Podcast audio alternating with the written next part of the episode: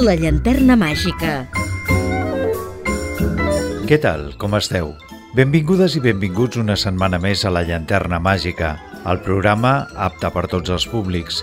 Edició número 242 des dels nostres inicis i 16 d'aquesta setena temporada.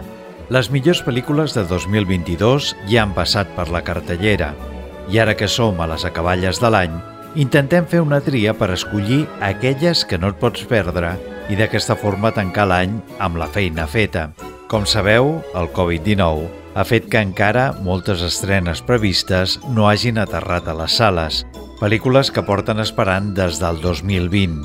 De fet, veureu que us parlem d'algunes produccions que no s'han rodat aquest 2022, però sí han arribat a les sales d'exhibició aquest any. I veureu també que algunes d'elles van directes a posicionar-se com a candidates per la propera edició dels Premis de l'Acadèmia, com Elvis, de la que us parlarem a continuació. Però abans de fer-ho, deixeu-me que us recordi que podeu seguir la nostra activitat i escoltar els darrers programes emesos a les xarxes socials. Segueix el programa al Facebook facebook.com barra la llanterna màgica. Tenim una adreça de correu electrònic per si us cal contactar amb nosaltres o fer-nos arribar les vostres consultes o suggeriments. Vols contactar amb el programa?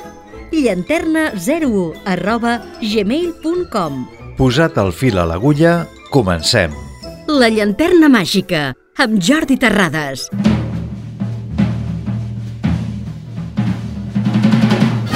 Parlar d'Elvis Presley és parlar de la història musical estatunidenca, però també és parlar d'un dels artistes més influents i rellevants del segle XX, un músic que va deixar un llegat que continua encara a dia d'avui, i com a mostra d'això, la pel·lícula biogràfica del rei del rock and roll, dirigida per Baz Luhrmann. Aquest biopic aborda des del descobriment d'Elvis per part del coronel Tom Parker en sales petites on s'interpreta música en directe fins al seu estrellat a nivell mundial. L'escriptura, a mans de quatre guionistes d'aquesta pel·lícula, potser no acabi de convèncer a tothom, però el cert és que un cop visualitzes el resultat final, retraten a la perfecció la personalitat i l'excitant carrera del cantant. L'edició, a càrrec de Jonathan Redmond i Matt Vila, recolzen el dinamisme del metratge en 2 hores i 40 minuts. Reconeixement a part per Austin Butler. Es noten els 3 anys de preparació que va dedicar l'actor per preparar el personatge. I tot i que Butler no té un excessiu semblant físic amb Elvis Presley, el seu treball actoral i vocal, no ens oblidem que hi ha temes que sí interpreta el propi actor, aconsegueix donar el millor de si mateix. Respecte a Tom Hanks, què hem de dir? Doncs que, com sempre, està genial. someone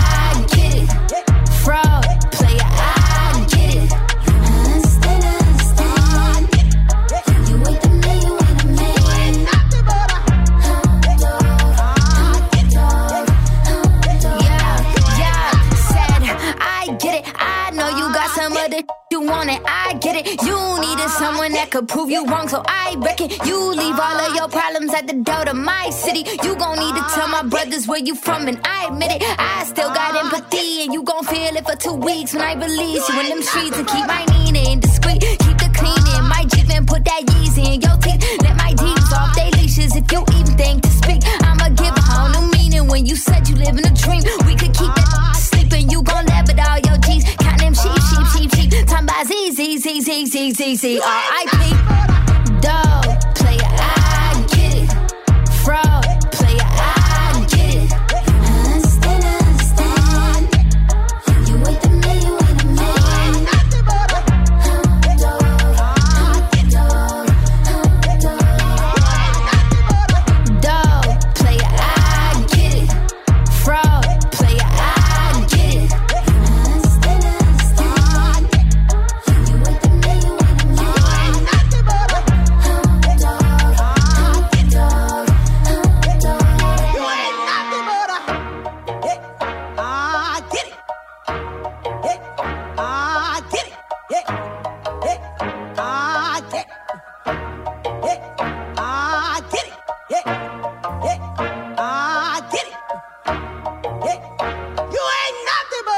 De la mateixa forma que Maixabel, Mas proposa una aproximació insòlita al procés de conviure amb el patiment ocasionat per la violència i amb aquells que la van causar, tot i que, a diferència de la pel·lícula d'Eithier Boyain, l'òpera prima del director i guionista Frank Crane no centra en un cas real, sinó que evoca qualsevol dels tirotejos en centres escolars que es produeixen als Estats Units arran d'una trobada terapèutica entre dues parelles de pares, víctimes indirectes d'una massacre.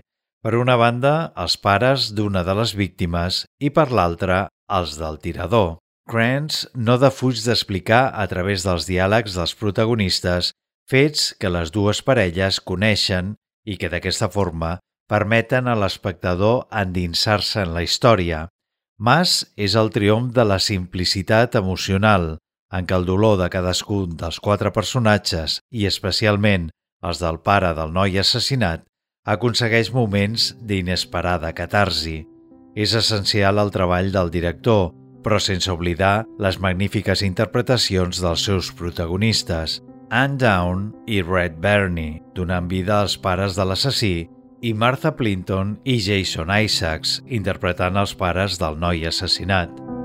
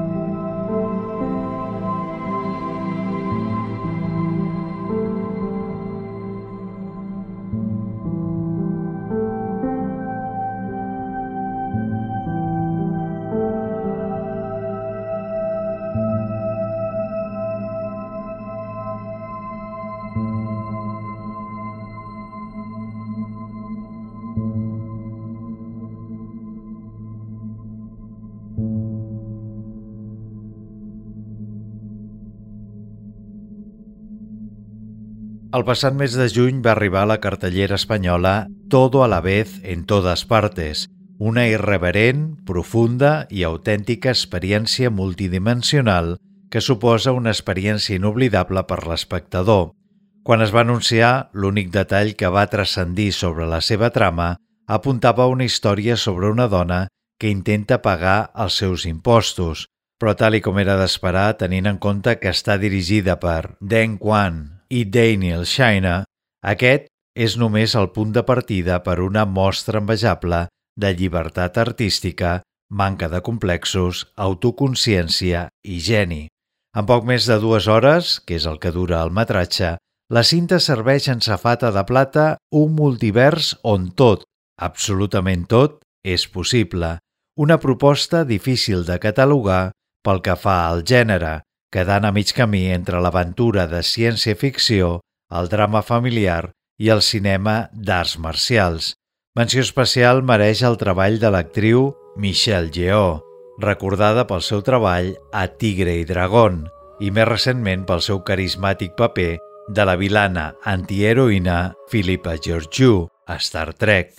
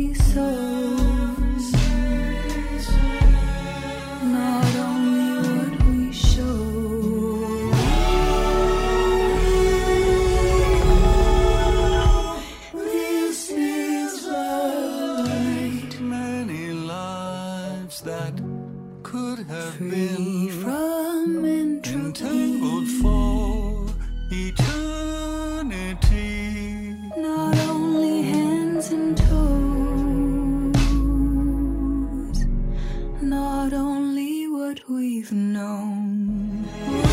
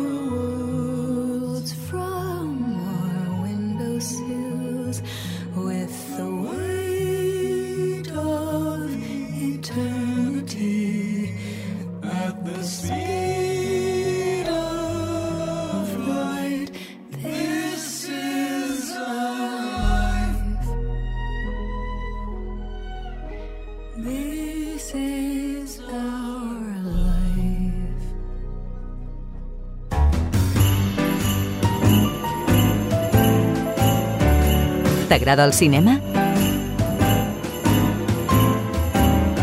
Tot el món del cinema a la llanterna màgica.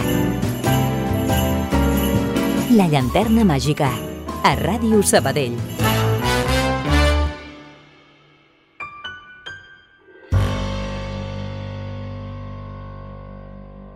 Bona part de les novel·les d'Annie Ernaux tenen un component autobiogràfic a través del que l'autora no només plasma els seus fantasmes personals, sinó que posa de manifest com es jutja a les dones per les seves decisions, el seu cos o el seu desig en el si d'una societat profundament hipòcrita.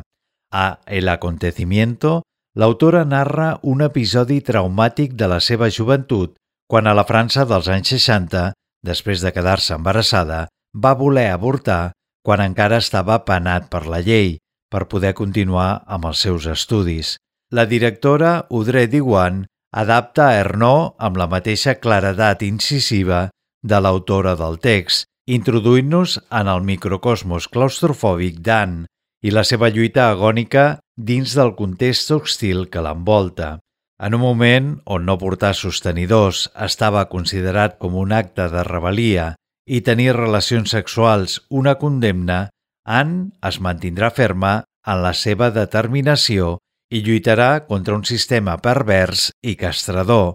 El acontecimiento és un film sobre l'avortament, però per sobre de tot sobre la llibertat d'elecció de les dones.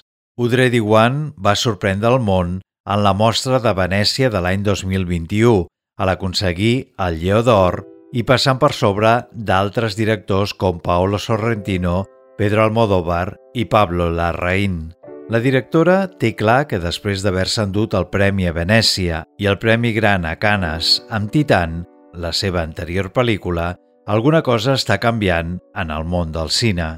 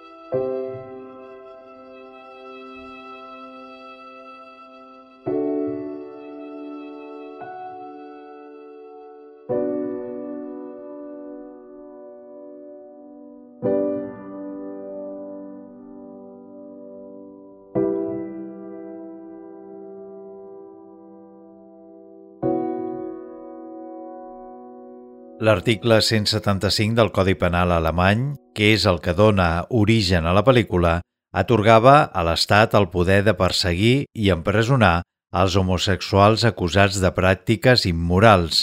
Qualsevol activitat sexual entre individus del mateix gènere era condemnable segons la llei, amb sentències que durant el règim nazi assolien els 5 anys de confinament. Great Freedom, la segona ficció de l'austríac Sebastian Meis, està ambientada en l'Alemanya de la postguerra i té com a protagonista a Hans Hoffmann, un home jove que després de ser presoner dels nazis durant la Segona Guerra Mundial és empresonat a Alemanya Occidental per les seves pràctiques homosexuals. Víctor és el seu homòfob company de cel·la, un assassí condemnat a cadena perpètua amb el que acaba tenint una relació homoeròtica. La història està narrada entre 1945 i 1968, un any abans de que la homosexualitat fos despenalitzada. Great Freedom es va alçar amb el Premi del Jurat Una certa mirada del Festival de Cannes 2021 per més tard conquerir el Festival de Sevilla i Sarajevo, enduent-se el premi a millor pel·lícula i millor actor per Frank Rogotsky. La Biennale quedà finalista del Premi del Públic Lux al cine europeu i ser seleccionada pel seu país, Àustria, a la carrera als Premis Òscar a millor pel·lícula internacional. L'amour, l'amour, l'amour dont on parle toujours. À l'amour, c'est un printemps craintif, une lumière attendrie, ou souvent une ruine. L'amour, l'amour, c'est le poivre du temps, une rafale de vent, une feuillée de lune.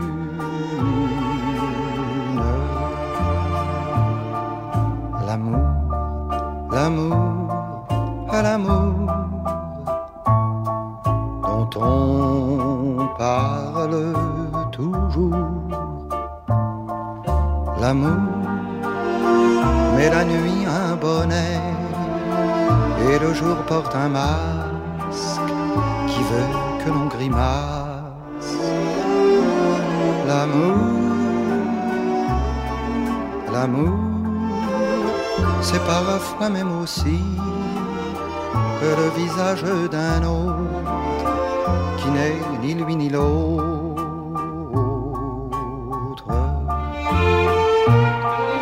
À l'amour, à l'amour, à l'amour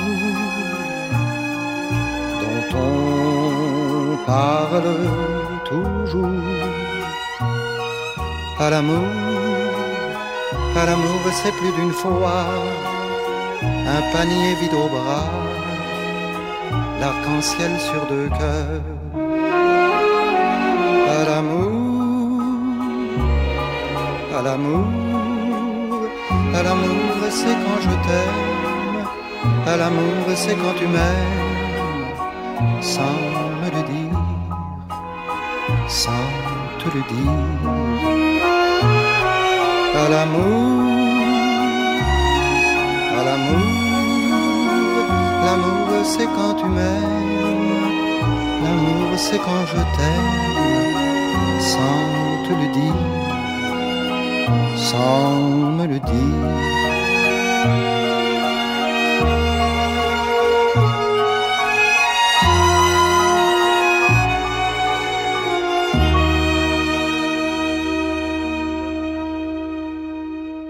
El polèmic director franco-argentí Gaspar Noé ens va deixar bocabadats amb Vortex, una pel·lícula estrenada a la secció Zabaltegui Tabacalera de l'edició de 2021 del Festival de Sant Sebastià i que va arribar a les sales comercials el passat mes de juliol. Una obra pessimista i esquinçadora sobre el pas del temps, la bellesa, la malaltia i la mort. La producció té una pulcritud narrativa fascinant, allunyant-se dels seus habituals excessos visuals, però sense perdre gens ni mica de la seva capacitat per colpejar-te fins deixar-te fora de combat. La idea va sorgir quan el director va veure com la seva pròpia mare i la mare d'ella, és a dir, la seva àvia, van patir demència creant el que possiblement sigui el seu treball més intimista i madur. No és l'únic autor que en aquests darrers anys s'ha acostat al cine per retratar la bellesa.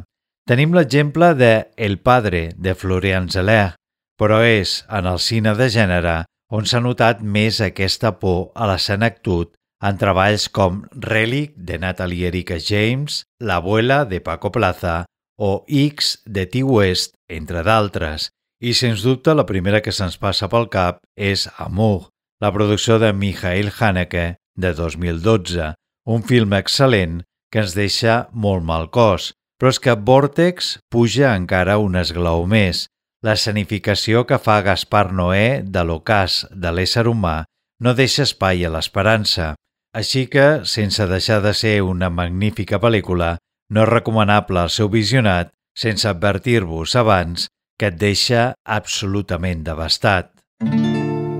On est bien peu de choses et mon ami la rose me l'a dit ce matin.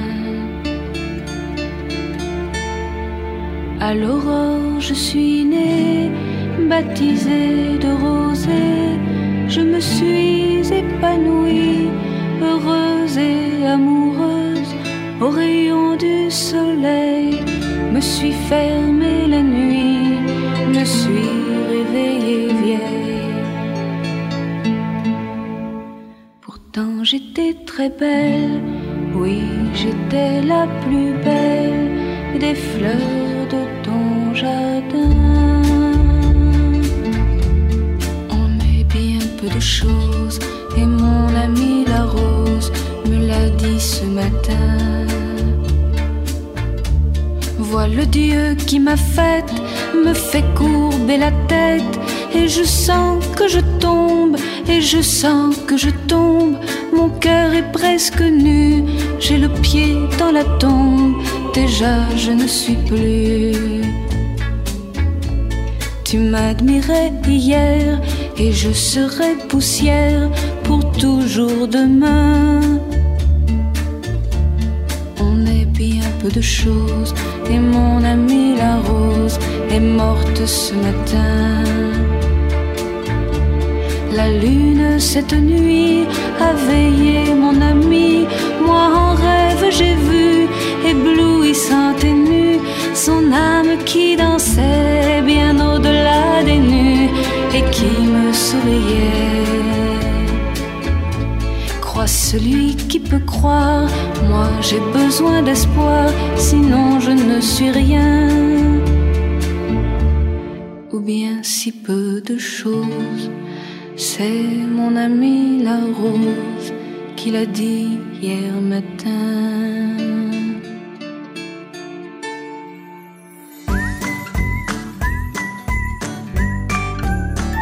La llanterna màgica amb Jordi Terradas a Ràdio Sabadell. Les il·lusiones perdides és l'adaptació de la novel·la homònima d'Honoré de Balzac, dirigida pel francès Xavier Janolí. A la producció, Lucien és un jove poeta desconegut a la França del segle XIX. Té grans esperances i vol forjar el seu destí. Deixa la impremta familiar per provar sort a París amb l'ajut dels seus mecenes. Abandonat a la seva sort en aquesta fabulosa ciutat, el jove descobrirà el que succeeix entre vestidors en aquest món consagrat a la llei del benefici i el fingiment. El procés de destrucció de la integritat del protagonista arriba amb l'ingrés del jove escriptor a la redacció d'un diari que ven, al millor postor, les seves columnes d'opinió i les seves crítiques d'art. Quan tot es compra i es ven, començant per la pròpia identitat i els principis, quina esperança li queda al món si no és la poesia del marginat, el cant d'una sirena muda o la balada de dos amants desesperats? La pel·lícula està protagonitzada per Benjamin Voisin, Xavier Dolan, Jean Belibar, Cécile Dufrance, Vincent Lacoste i Gérard Depardieu, entre d'altres, en un any en què hem tingut adaptacions cinematogràfiques tan magistrals com la de Hamaguchi i el seu Drive My Car, no podem obviar aquest film com una adaptació sumament hipnòtica, àcida i poderosa de principi a fi.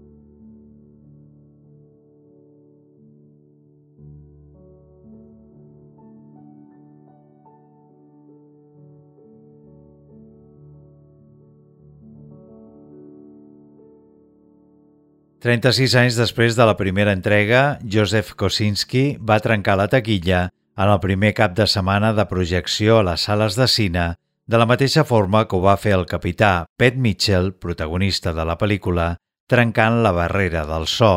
Però és inevitable parlar de la seva predecessora per explicar, en bona part, l'espectacular acollida de Maverick.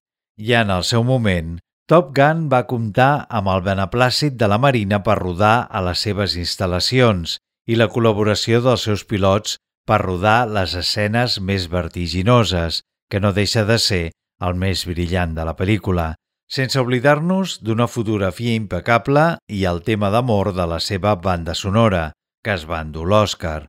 Per tant, hi ha nostàlgia a Maverick? Doncs és evident que sí, en el repartiment, un Cruz molt més calmat que accepta sense problemes les bromes sobre la seva edat dels joves pilots d'elit als que entrena. Però Tom no està sol. L'elenc de la cinta també compta amb Jennifer Connelly, Miles Teller, Val Kilmer, John Hamm i Ed Harris. La banda sonora de la pel·lícula no només inclou la nova cançó de Lady Gaga, Hold My Hand, sinó també l'èxit de One Republic I ain't worried. I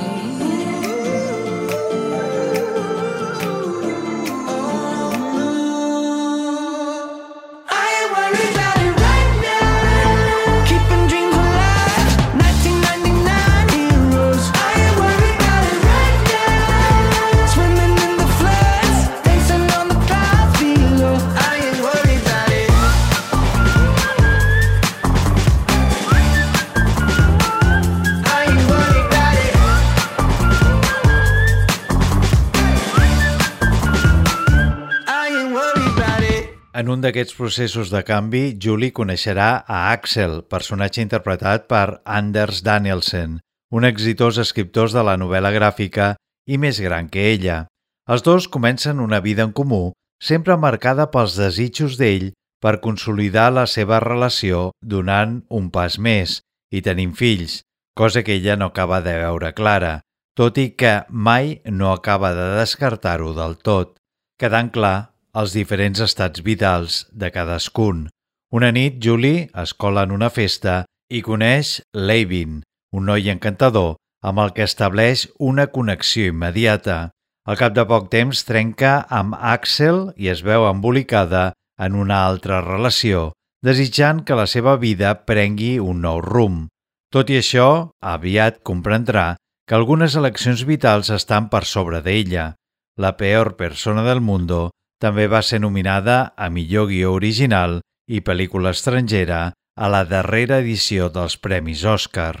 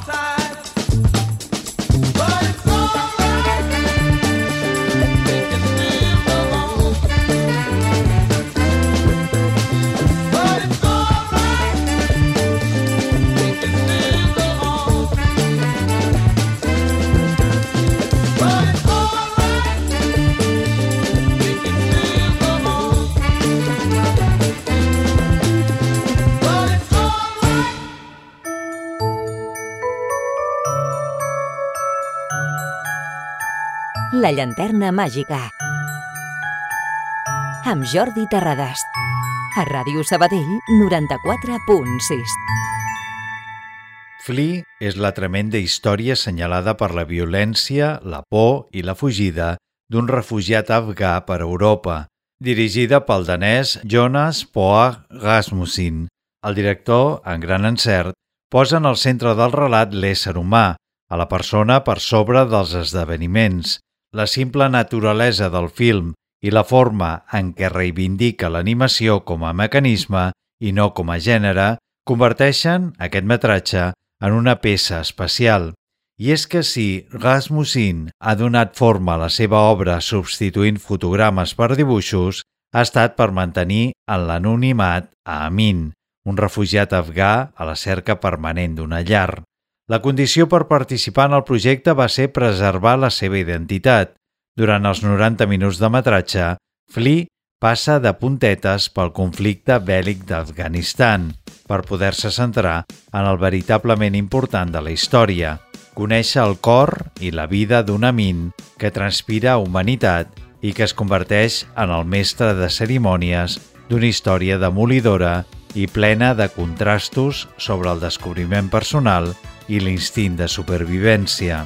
La producció va estar nominada com a millor pel·lícula internacional, millor pel·lícula d'animació i millor documental a l'edició dels Premis de l'Acadèmia de 2022.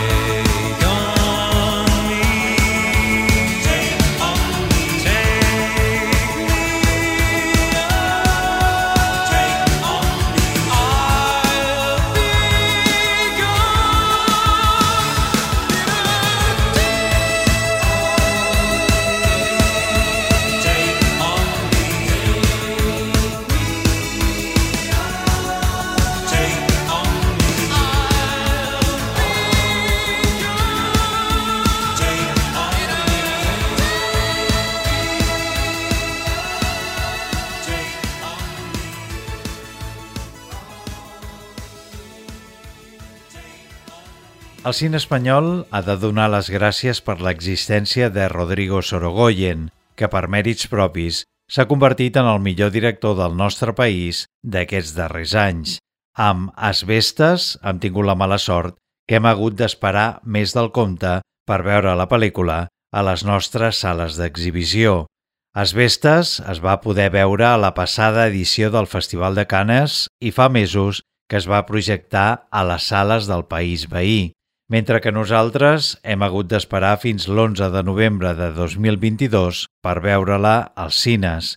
Si a Madre ja es va marxar a França per esbrinar el drama del seu protagonista, aquí el que fa Sorogoyen és introduir a una parella francesa al nostre país per esbrinar com la seva arribada ha impactat a la vida dels habitants d'un petit poblat gallec.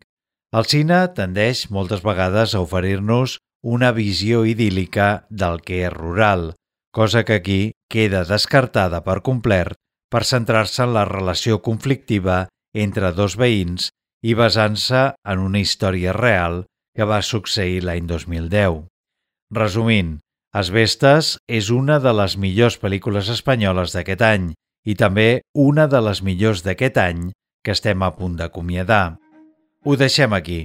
Rebeu una salutació de qui us ha estat acompanyant al llarg d'aquest programa, Jordi Terrades. Com sempre us diem, gràcies per la vostra atenció, sense vosaltres no seríem res i us esperem a la propera edició de La Llanterna Màgica.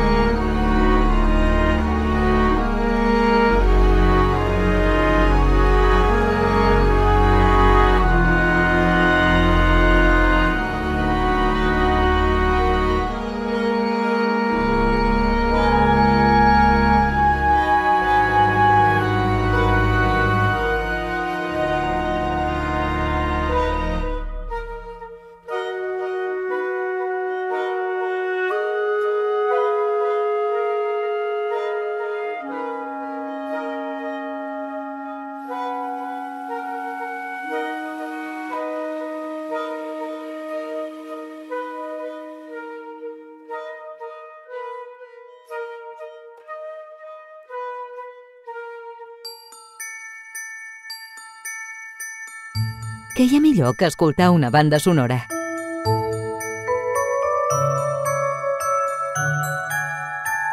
La llanterna màgica. Amb Jordi Terradas. A Ràdio Sabadell 94.6.